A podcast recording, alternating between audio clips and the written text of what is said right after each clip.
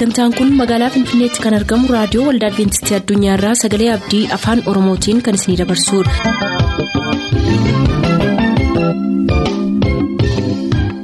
raadiyoo keessan banattaniin kan sagantaa keenya ordofaa jirtan maraan nagaan keenya sinaa qaqqabu akkam jirtu dhaggeeffattoota keenya sagantaa keenyaarraas kan jalqabnu sagantaa macaafni qulqulluu maal jedhaanidha turtii gaarii.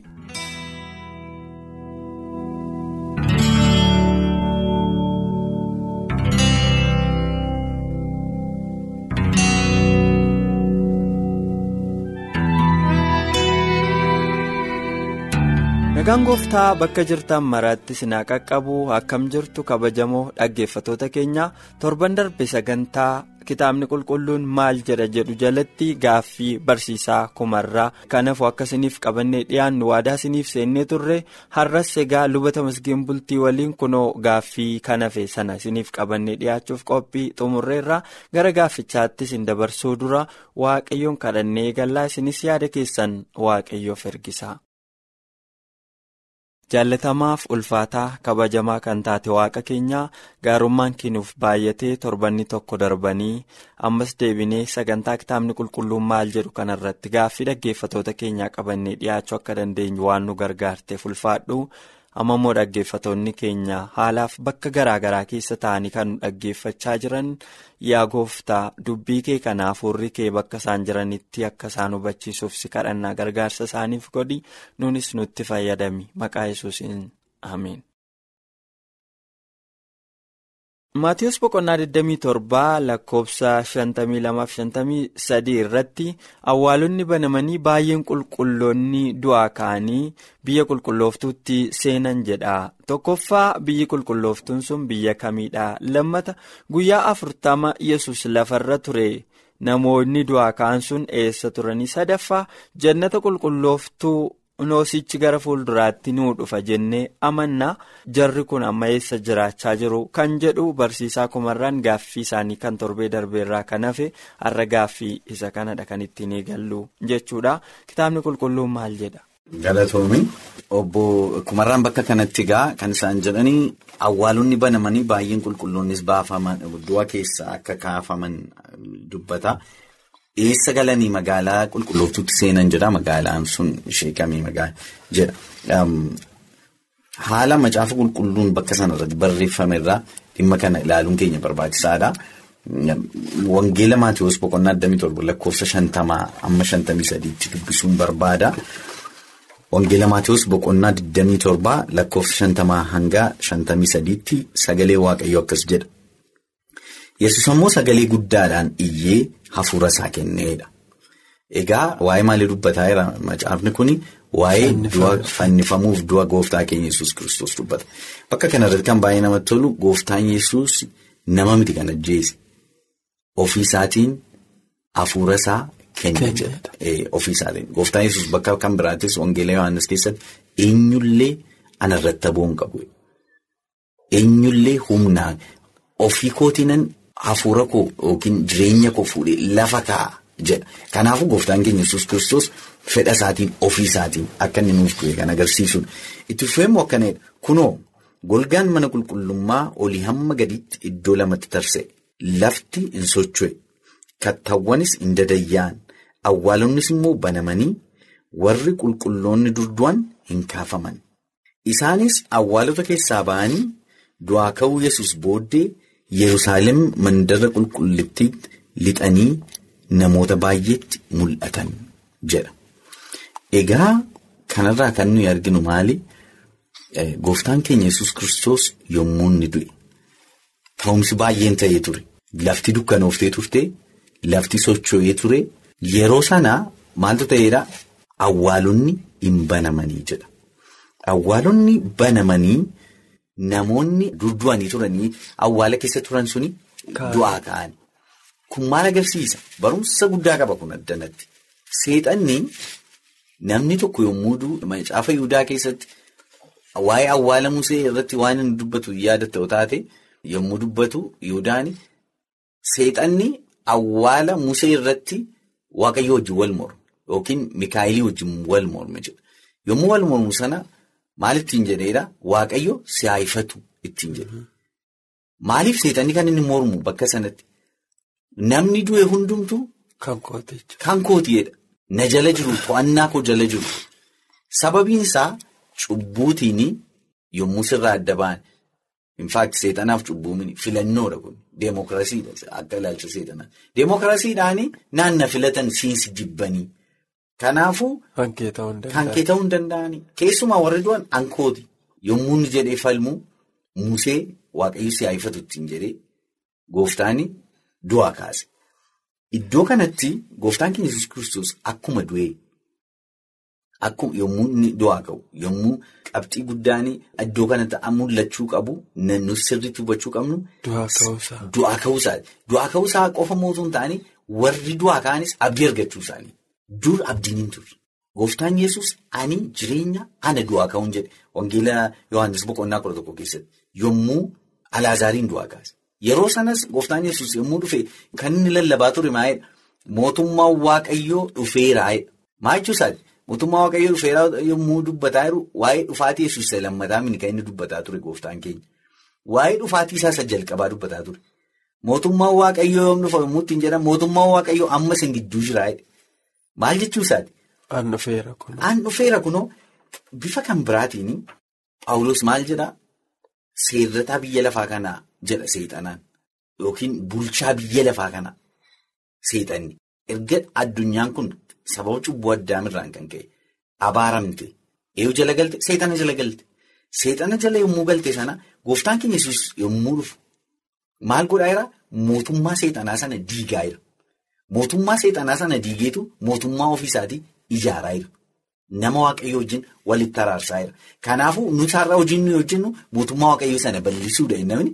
Mootummaa waaqayyoo sun kan inni hundeeffame gooftaa keenya Yesuus hundeesse isa bal'isaa irra karaa humnaa hafuura qulqulluu jechuudha. Egaa Yesuus yommuu dhufe sana yommuu du'e du'aa ka'e sana boojuu fuudhee ol deebi'eedha. Miti Sirriidha. Boojuu fuudhee ol deebi'e. Boojuu inni fudhate sun immoo inni warra harka seexanaatti booji'aman warra du'a jala jiran harkaa baase. Galanni ta'u. Ameen. Kunnuu fi gammachuu guddaadha.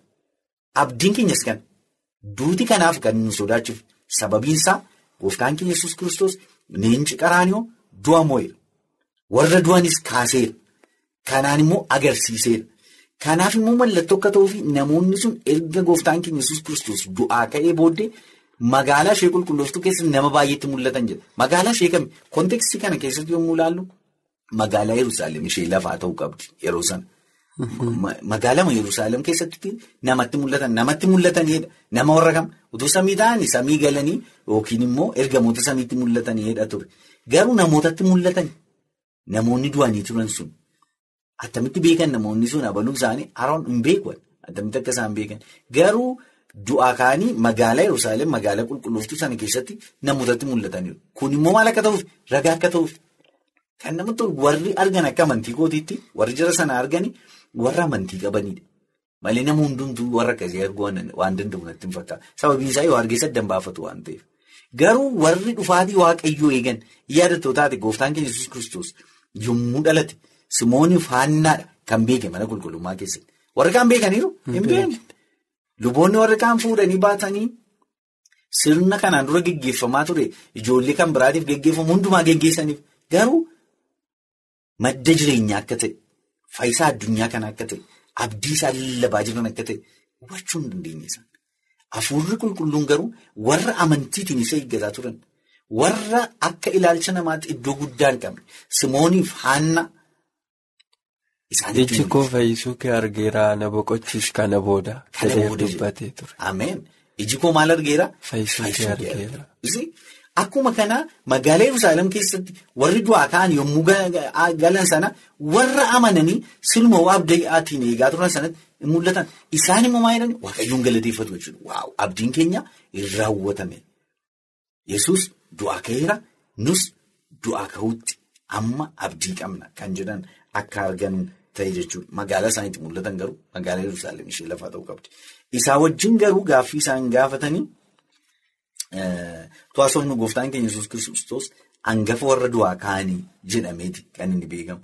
Hangafa warra du'aa ka'anii warra kaaniin achumaan boojuutiin booji'atee deeme jechuudha.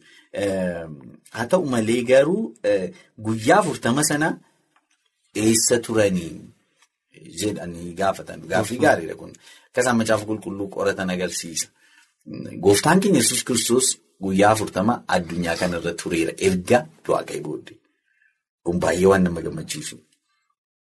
Yoo ergamoota boqonnaa tokko irra dhannee ilaalle gooftaan keenya yesus kiristoos yeroo garaa garaatti bartootatti mul'ataa ture. Erga du'aa ka'ee booddee.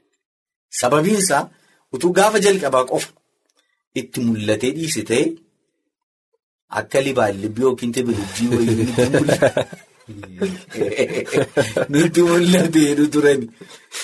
Amma garuu deebi'ee yeroo yerootti isaanii wajjin nyaate, isaanii wajjin dhuge, isaan jajjabeessee jabaadhaa asuma magaalaana keessa tura.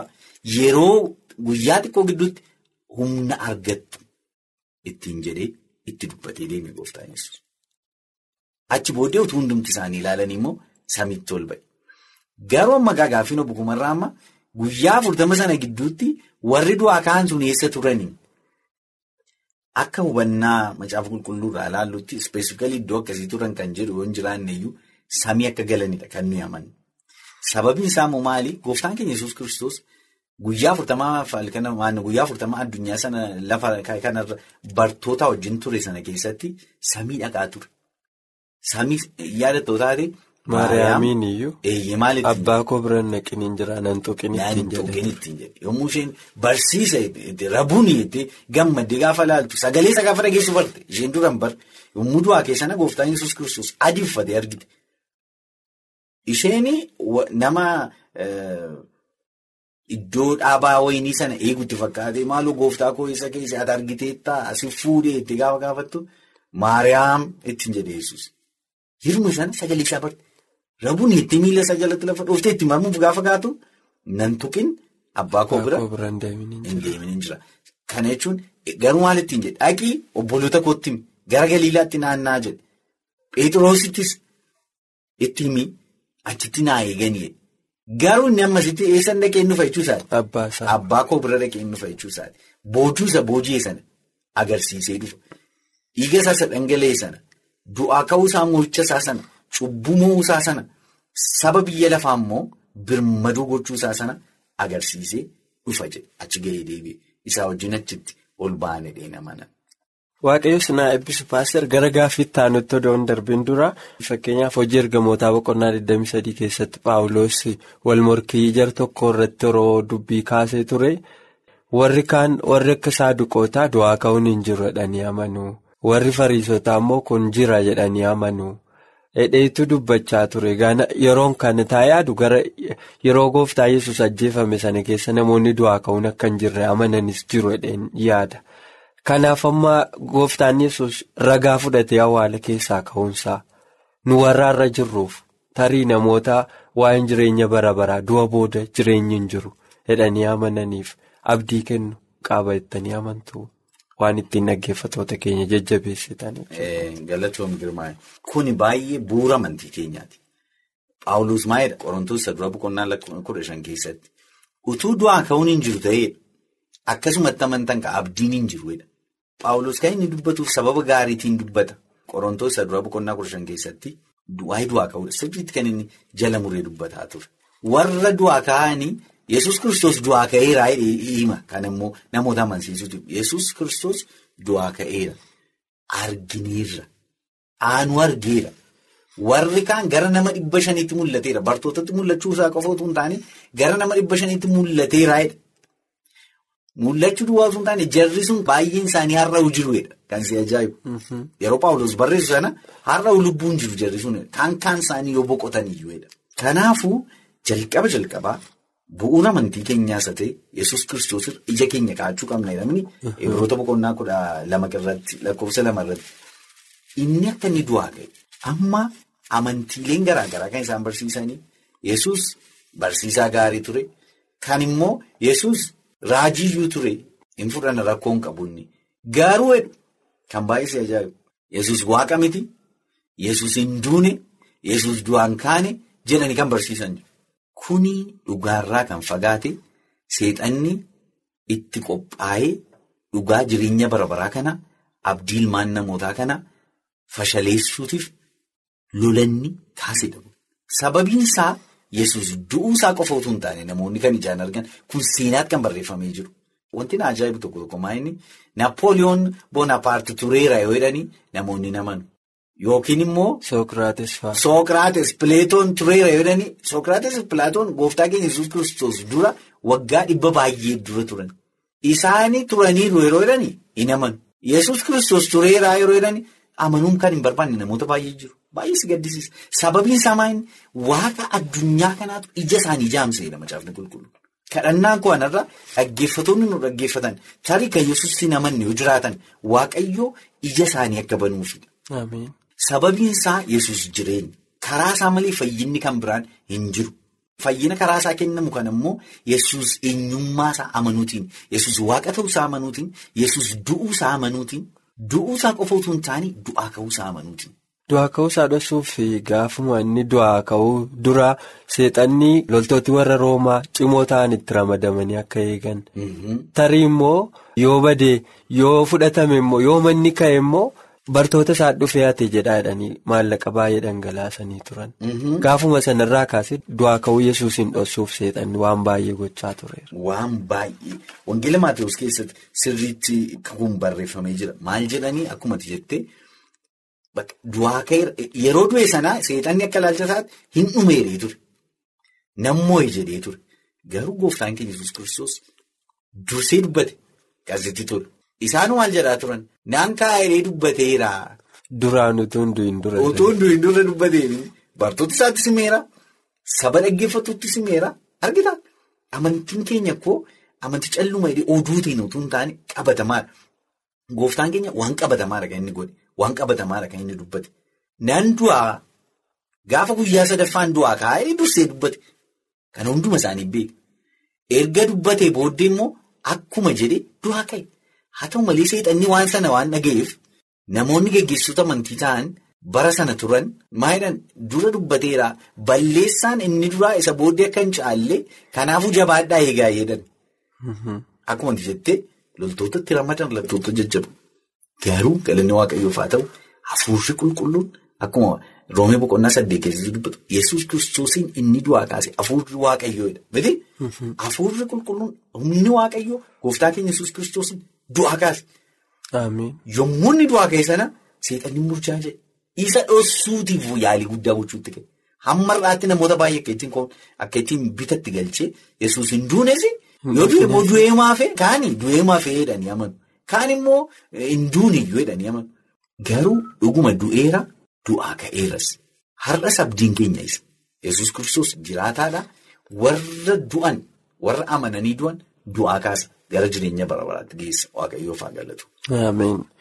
Waaqayyo sinaa eebbisu gaaffii ittaanutti isin dabarsaa gaaffii ittaanu kan gaafate waa kennee yaadataati wallagga lixaa bari yookiin irraati. Uumama boqonnaa sadii keessatti boofni haxxee ture jedhee dubbata. Gaaffiin isaanii tokkoffaan boofti erguma uumamee haxxee ta'e immoo haxxummaa waliin uumameedha. Lammata immoo maaliif boofni akka koomee namaa iddoo ayyamame waan kana nu barsiisu waan nu barsiisu qabaa'oo iddoo biraa maaf hin iddine jechuu barbaadeetu natti fakkaata. Baay'ee gaariidha. Gara macaafa qulqulluu dhaquu qabna. Akkuma mata dureen sagantaa keenyaa jedhu gaa macaafni qulqulluun maal jedhaadha sagantaan keenya. Kan ilaalchise macaafni qulqulluun maal jedhaa kan jedhu waliin ilaaluu qabna. Heertuun kun kan keessaa argamu seera uumamaa boqonnaa sadii lakkoofsa tokkorraati. Akkas jedha. Bineensa bakkee waaqayyo gooftaan uume hundumaa keessaa boofni caalaa haxxee turte. Innis. Dubartittiidhaan dhuguma waaqayyo ija mukeetii iddoo dhaabaa kana keessa jiran hundumaarraa hin nyaatinaa isiniin jedhee jedhe jedha. Dhiyoota akka jedhe seeti bofa fakkaate jedha. Egaa bakka kanatti booftii yommuu uumamte haxxee turtee moo ergasii haxxee taate? Gaaffiin obboleessa keenyaa bakka kanatti akka nu hubadhutti haxxeedha yoo jedhame duruma waaqayyo haxxee uumee. Balleessaa bofaa miti kun jechuuti. Lammata immoo haxxeen turre yeroo uumame yoo jedhame immoo yeroo sana yoo cubbuun addunyaan seenne attamitti haxxee ta'e kan jedhu of keessaa qaba natti fakkaata gaafa ilaalu. Egaa akka fuulli waaqayyoo nu ibsetti waliin ilaalaa adeemna. Waaqayyo seera uumamaa boqonnaa tokko keessatti yommuu uume guyyaa ja'a yommuu uume sana guyyaa tokko tokko isaa yommuu uumama isaa xumuru yookiin uumama yommuu uumeema xumuru maal jedhaa kunoo gaarii ta'e jedha. Kanaafuu wanti dhibbaa dhibbatti jala murree dubbachuu dandeenyu uumaa waaqayyo uume guyyaa guyyaatti inni uume seera uumamaa keessatti. Irra deddeebi'amee akka dubbatetti boqonnaa tokko keessatti jechuudha. Uumamni waaqni uume hundumtuu kan mudaa hin qabne, kan rakkoo hin qabne, kan cubbuu hin qabne, kan haxxummaa hin qabne ture. Bofas dabalatee jechuudha uumama irratti. Bofas dabalatee hundumtuu qulqulluu ta'ee uumamee ture. Haa ta'u malee bineensi bakkee hundumaa keessaa bofti haxxee tureedha. Attamitti haxxee ta'ee kan jedhu bakka kanatti ilaala. Egaa sagalee waaqayyoo.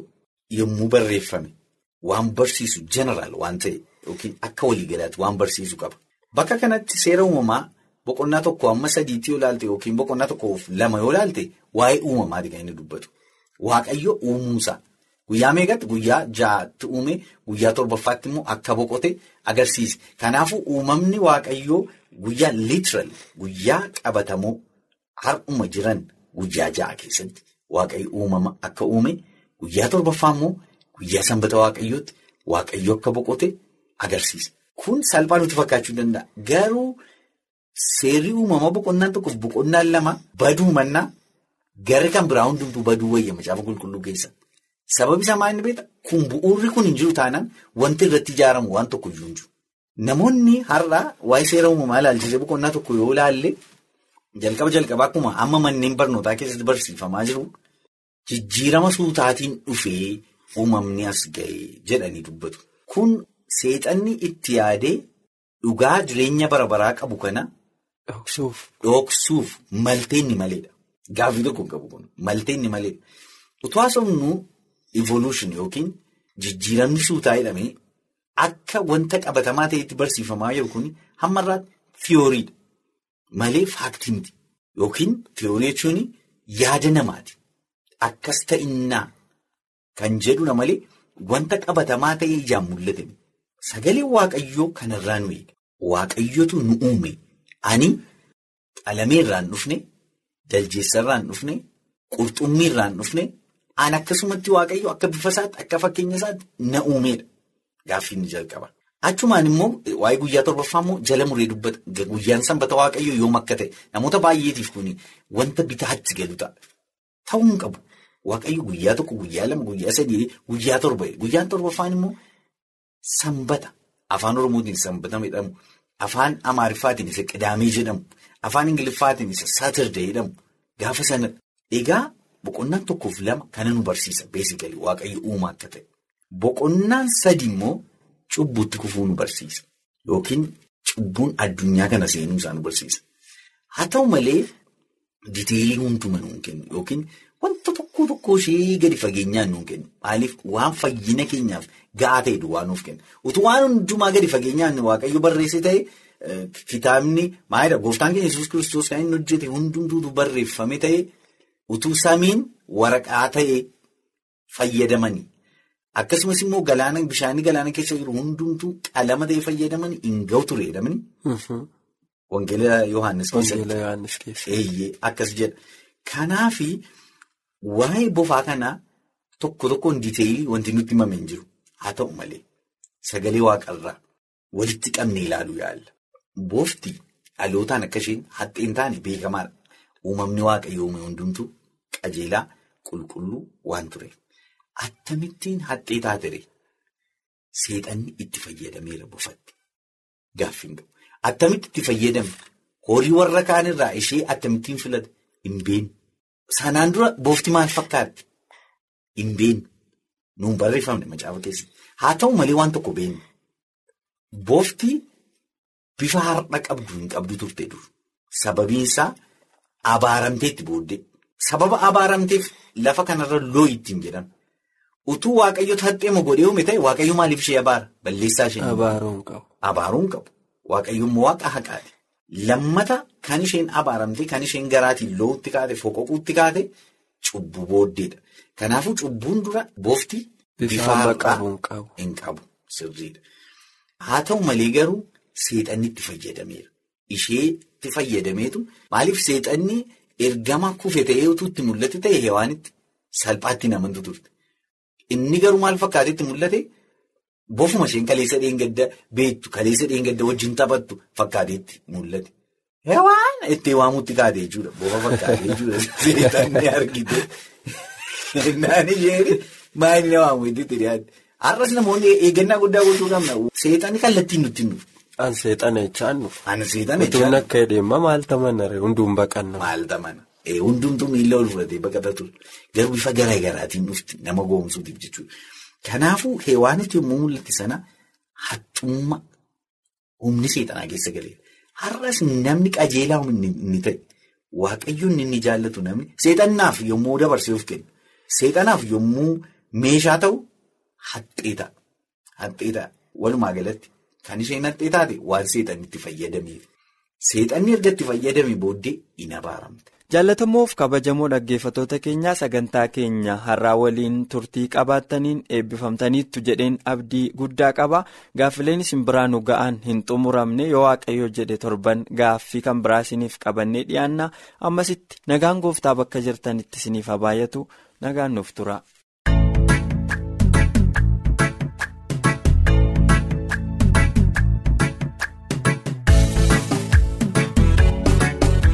Sagantaa keenyatti akka eebbifamtan abdachaa kanarraaf jenne asumaan xumur sagantaa keenya irratti yaaduu qabaattan karaa teessoo keenyaa raadiyoo olda adventistii addunyaa lakkoofsaanduqa poostaa 455 finfinnee jedhaanuf barreessa raadiyoo olda adventistii addunyaa lakkoofsaanduqa poostaa 455 finfinnee.